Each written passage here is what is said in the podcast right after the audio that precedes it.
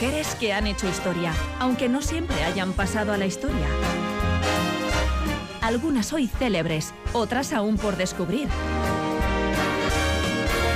Algunas heroínas, otras villanas, todas singulares. Es tiempo de hacer visible lo invisible. Es tiempo de vivir para contarlas.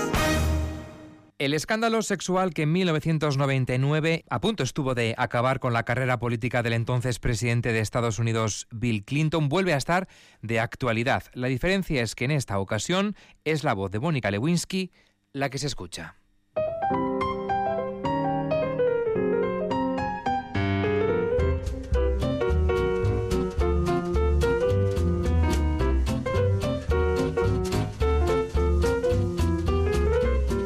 Aquella mediática historia de intrigas políticas, mentiras, abusos de poder y humillación pública ha sido revisitada en la miniserie de televisión Impeachment, la tercera entrega de la saga American Crime Story, dirigida por Ryan Murphy y coproducida en esta ocasión por la propia Mónica Levinsky.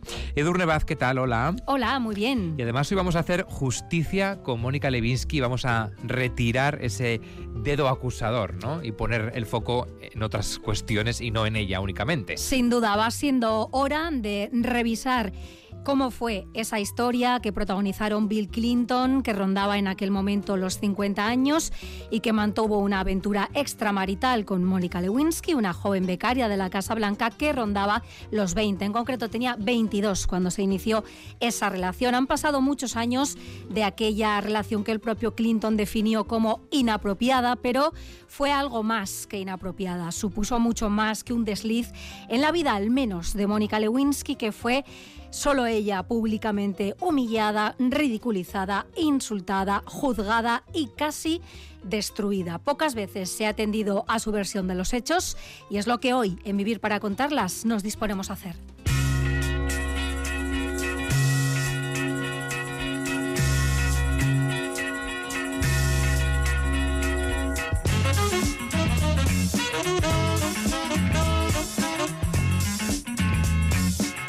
Hagamos justicia pues con Mónica Samil Lewinsky, que nació en San Francisco, estado de California, el 23 de julio de 1973. Creció en el seno de una familia acomodada del sur de California, primero en el lado oeste de Los Ángeles y más tarde en Beverly Hills. De hecho, su código postal era el 90210, que nos resulta a todos muy familiar. Desde luego, nos resulta familiar por lo menos a los miembros de una generación, porque en efecto Mónica Lewinsky estudió en el instituto en el que se desarrolla la trama de la mítica serie Sensación de Vivir.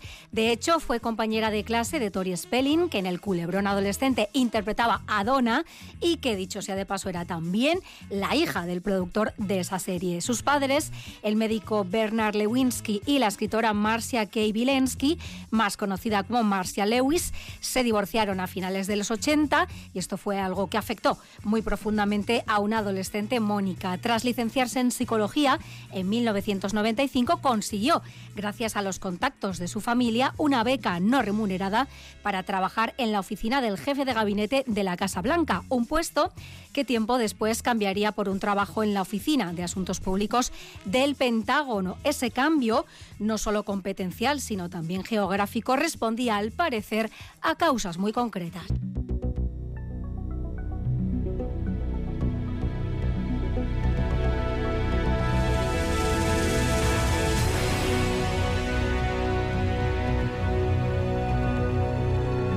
Detrás del traslado de Mónica Lewinsky desde la Casa Blanca hasta el Pentágono pudo haber razones de tipo preventivo, ¿no? Por ejemplo, su romance con el presidente de Estados Unidos, Bill Clinton, no era ningún secreto entre sus más estrechos colaboradores y para evitar que pudiera acabar resultando problemático, trasladaron a la joven a esa oficina de asuntos públicos del Pentágono, en teoría de forma provisional. ¿En qué año nos estamos situando?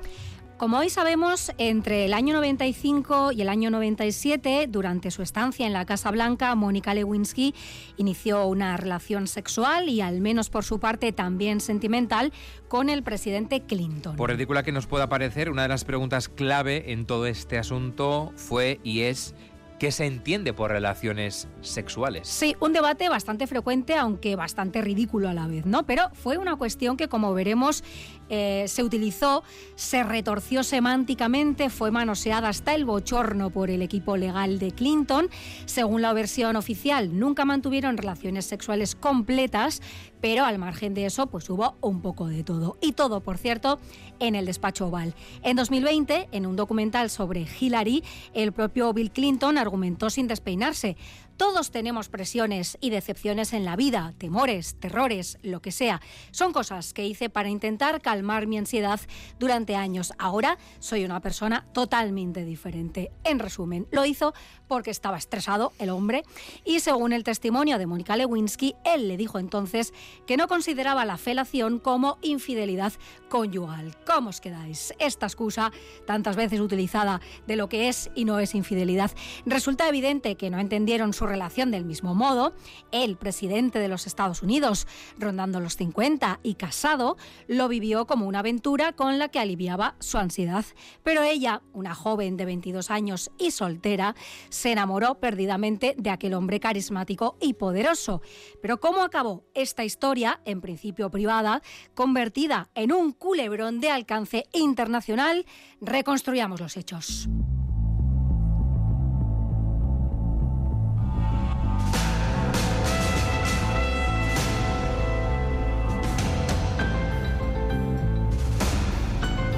En este bautizado, por cierto, de forma reveladoramente machista, eh, como caso y escándalo Lewinsky, hubo varios protagonistas. Vamos a centrarnos de entrada en uno, en el fiscal especial Kenneth Starr. Bueno, Kenneth Starr llevaba tiempo investigando a Bill Clinton por las irregularidades registradas en la empresa Whitewater, un negocio inmobiliario de Arkansas con varias causas abiertas en las que se había visto involucrado el matrimonio Clinton y que, detalle truculento, habría conducido al suicidio a Vincent Foster, viceconsejero de la Casa Blanca y socio de los Clinton en este negocio inmobiliario en cuestión.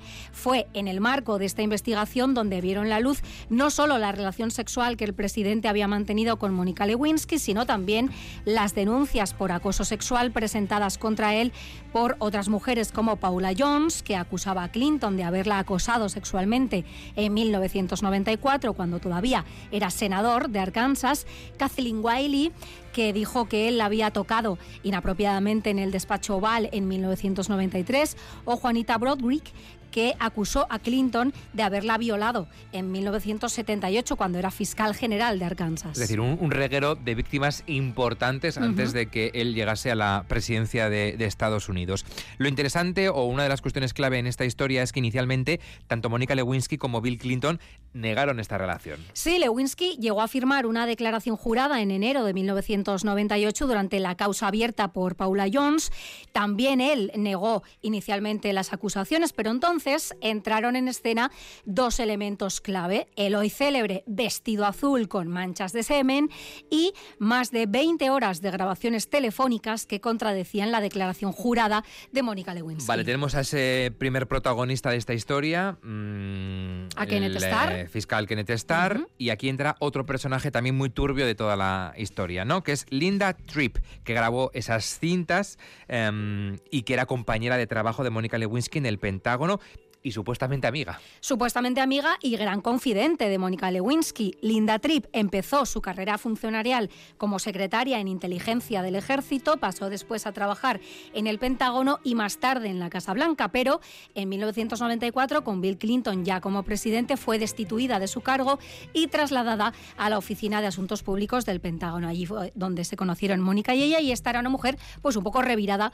con su situación, no estaba, como imaginaréis, satisfecha con con su situación laboral y tenía además, al parecer, ciertos delirios de grandeza y el proyecto personal de escribir un jugoso libro con sus vivencias en la Casa Blanca. Cuando Mónica Lewinsky le confesó su relación con el presidente, a Linda, que anhelaba esa atención y el reconocimiento público, se le hizo la boca agua. Dijo aquí, tenemos tomate, ¿no?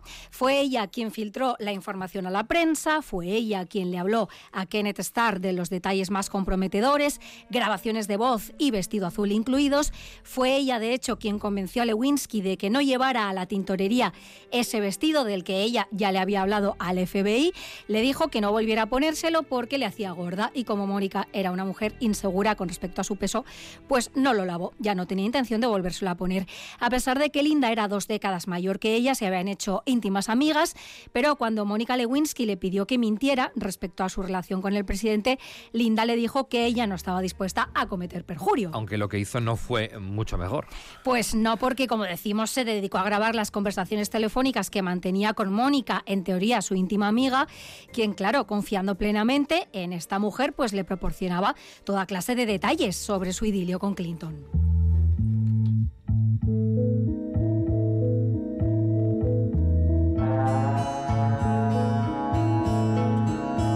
Y en este contexto hace su aparición otro personaje, Matt Druch, un popular bloguero de chascarrillos políticos que se adelantó, por cierto, a los medios de comunicación convencionales y publicó un artículo en el que afirmaba que la revista Newsweek tenía información sobre un escándalo que vinculaba al presidente con una becaria de la Casa Blanca llamada Mónica Lewinsky. Es decir, ya este asunto pasa a los medios de comunicación. Exactamente. Y Newsweek, en efecto, estaba trabajando en eso, pero bueno, mm, profesionalmente, es decir, no lo tenía todo contrastado y por eso no lo publicaban, ¿no? Pero este bloguero publicó también que existía una prenda con restos de semen del presidente que Lewinsky había conservado, ese famoso vestido azul de Gap.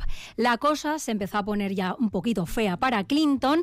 El 26 de enero de 1998 el presidente apareció por primera vez en televisión para hablar sobre este caso y con Hillary a su lado mintió descaradamente. Afirmó, no tuve relaciones sexuales con esa mujer, esa mujer, así se refirió a ella en más de una ocasión, ya no tenía ni nombre, ¿no? Hay que ver el tono en que empleó para decirlo y cómo miraba a cámara, ¿eh? Seguro de no he tenido relaciones sexuales con esa mujer. También aquí habría que destacar el papel de Hillary Clinton en toda esta historia, pero bueno, merecería casi un capítulo eh, aparte. Los Clinton, en cualquier caso, no eran solo un, un, matrimonio, eran algo más. Sí, siempre habían formado también un equipo, digamos, de carácter político. Ambos tenían grandes ambiciones políticas, en el caso de Bill, satisfechas, en el caso de Hillary, como sabemos, no tanto, en parte probablemente por todo este asunto. La imagen de Hillary resultó dañada para siempre y se cuenta que fue eso y no tanto las infidelidades de su marido lo que más dolió a la entonces primera dama, más tarde secretaria de Estado y más tarde primera candidata a la presidencia de Estados Unidos que finalmente ocupó Barack Obama. No a todo el mundo le gustó que Hillary optara por permanecer junto a su marido a pesar de todo esto, ¿no? Bueno, pero vamos a otro de los protagonistas, eh, que es el vestido azul de sí, Gap. Sí, sí, sí. Bueno, Marcia, la madre de Mónica Lewinsky, fue llamada a declarar ante el jurado del caso de Paula Jones, la mujer que acusaba a Clinton de acoso sexual. Este caso, por cierto, fue finalmente desestimado y tras la apelación de Paula Jones se resolvió fuera de los tribunales ya con una indemnización de 850.000 dólares. Pero el fiscal independiente Kenneth Starr le hizo una oferta a la madre de Mónica. Si le entregaba el vestido manchado de semen, se le concedería a su hija la inmunidad total, porque hasta ese momento habían estado atosigando a Mónica con la posibilidad de que fuera a prisión. ¿no? Y ya ante el gran jurado, tanto Mónica Lewinsky como Bill Clinton se vieron obligados a reconocer los hechos. Ella de forma forzosa, dolorosa y explícitamente honesta, él de forma más ambigua, reconociendo únicamente un contacto íntimo inapropiado y luciendo para la ocasión, por cierto, una corbata que la propia Lewinsky le había regalado, ¿no? Qué cínico. Qué loco todo. La ciencia, al contrario que el presidente Clinton, sí habló claro y alto, ¿no? Las pruebas de ADN confirmaron que pese a los malabares retóricos del presidente, el semen era suyo. El conocido como informe Star, resultante de ese largo proceso de investigación, derivó en impeachment, es decir, en un proceso de destitución contra el presidente que tuvo lugar en 1999, no por acoso sexual, sino por perjurio y obstrucción a la justicia. Como ya sabréis, este impeachment no prosperó, Bill Clinton agotó su mandato, su popularidad incluso aumentó, pero la historia fue muy distinta para Mónica Lewinsky.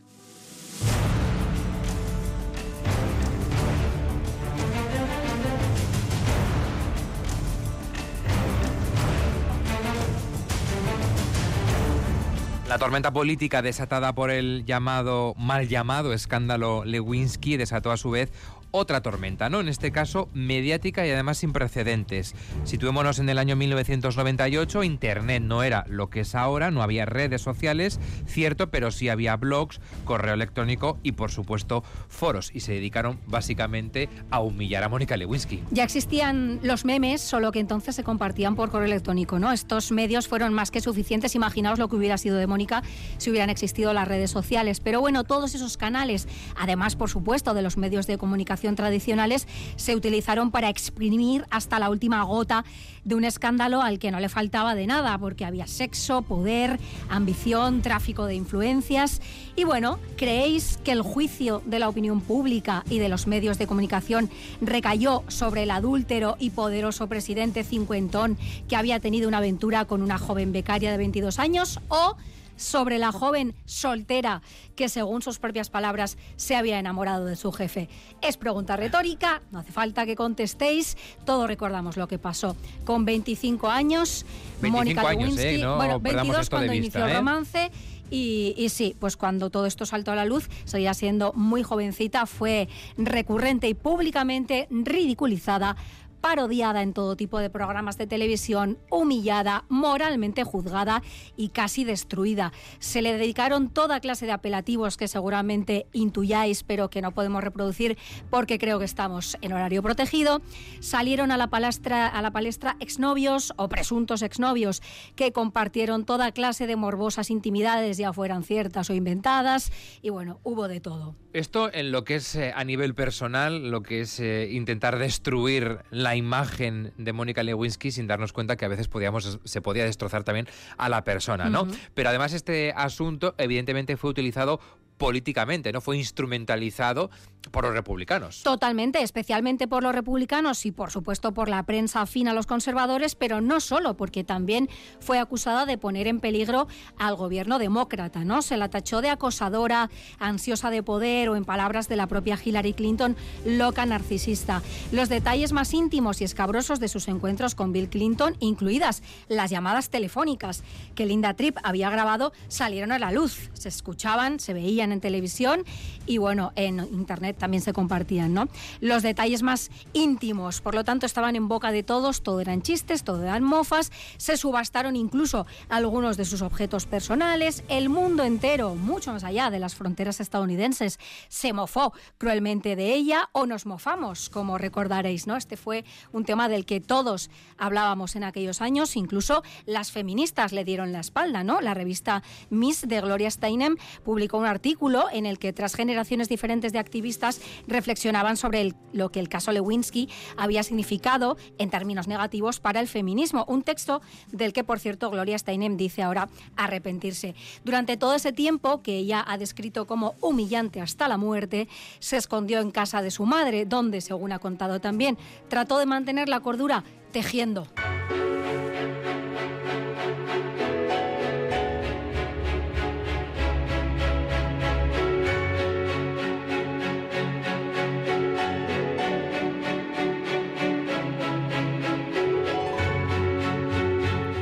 Recuperarse de aquel traumático episodio en el que su reputación y su propia dignidad fueron destruidas de una forma absolutamente despiadada no fue sencillo, no está siendo sencillo para Mónica Lewinsky. ¿Cómo ha intentado hacerlo? Bueno, al principio dio algunos pasos comprensiblemente torpes, como participar en diferentes programas de televisión en los que además tampoco podía dar su versión completa de los hechos porque estaba sujeta todavía a las limitaciones impuestas por el acuerdo de inmunidad que había firmado. Se prestó incluso a participar en programas de humor como el Saturday Night Live que llevaban meses parodiándola, ¿no? Lo cierto era que ella necesitaba ganar dinero para hacer frente al millón y medio de gastos legales que su caso le había acarreado. De entre las entrevistas que concedió, cabe destacar la que en 1999 le hizo Barbara Walters en la BBC, que fue seguida por 70 millones de estadounidenses. Ese mismo año también se publicó su biografía, escrita por Andrew Morton, que es el biógrafo a su vez de Lady Di. También en 1999 puso a la venta una línea de bolsos con su nombre. En el año 2000 se convirtió en imagen de una firma de productos dietéticos. Bueno, iba intentando cosas, ¿no? Claro, tenía que hacer frente, como decías tú, a ese millón millón y medio de dólares que le estaba costando, ¿no? Defenderse. Bueno, esto es lo que hizo, digamos, en esa década final de los 90 hasta los 2000.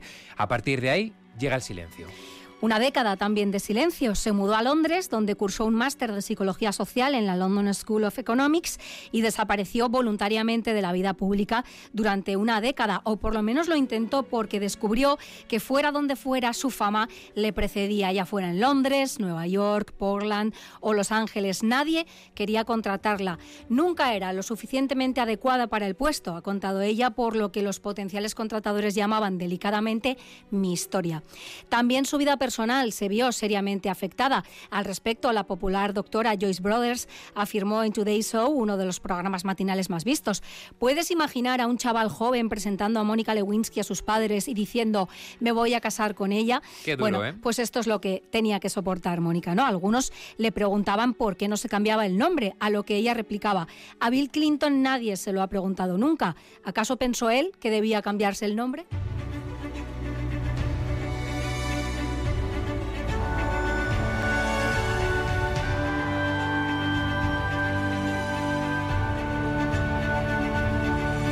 En Vivir para contarlas estamos revisitando, reconstruyendo y haciendo justicia con Mónica Lewinsky. Bueno, tras una década de silencio, como decíamos, en 2014 decidió recuperar su propia voz, narrar su versión de una historia, la suya, que siempre habían contado otros. ¿Cómo y dónde lo ha hecho?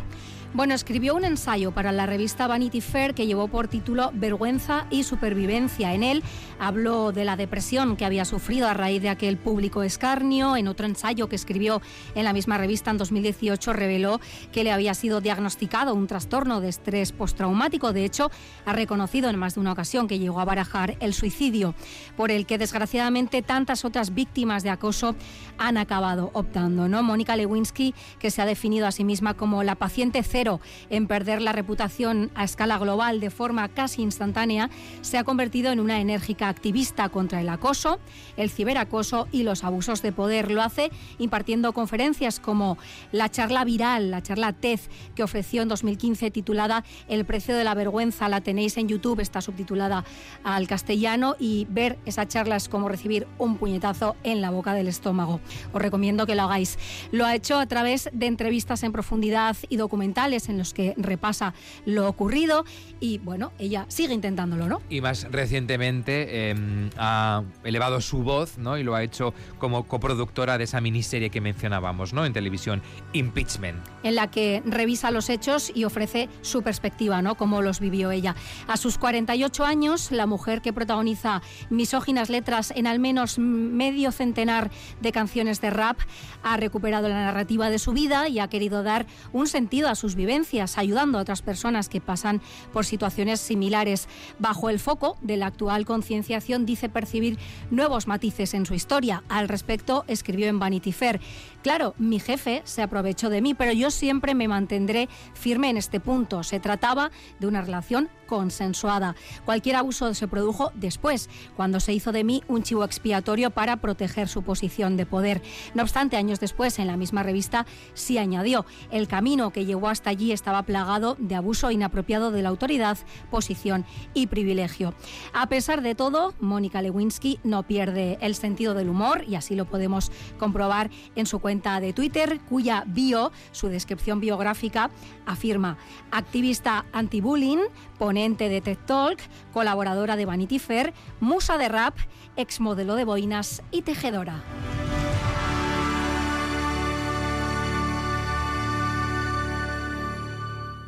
Hoy es una de esas historias que había que contar y reivindicar y reescribir. La de Mónica Lewinsky, que en el imaginario colectivo pasó como esa mujer que se entrometió en la relación del presidente Clinton y de su mujer y que al punto estuvo dar con eh, a punto estuvo de dar con al traste no con, con la presidencia pero la historia no es como nos la quisieron contar algunos sino ahora hay que conocer la voz de ella, ¿no? Eh, darle su, su espacio y ver exactamente cómo pasó. Y siempre hay que poner en contexto también la edad de ella. Ella tenía 21 años, él tenía 50 y se aprovechó. Era su jefe y no era un jefe cualquiera, era el presidente de los Estados Unidos de América, probablemente el hombre más poderoso del mundo, ¿no? Y que le obligó a mentir. Pues eh, ahí está la historia que podéis revisitar eh, a través de esa serie, pero de verdad, en 20 minutos, Mónica Lewinsky os va a dejar sin aliento con la charla TED en la que podemos empatizar con ella hasta sentir su dolor de una forma muy profunda, ¿no? Edu Rebaces, que ricasco. Eso, regatic.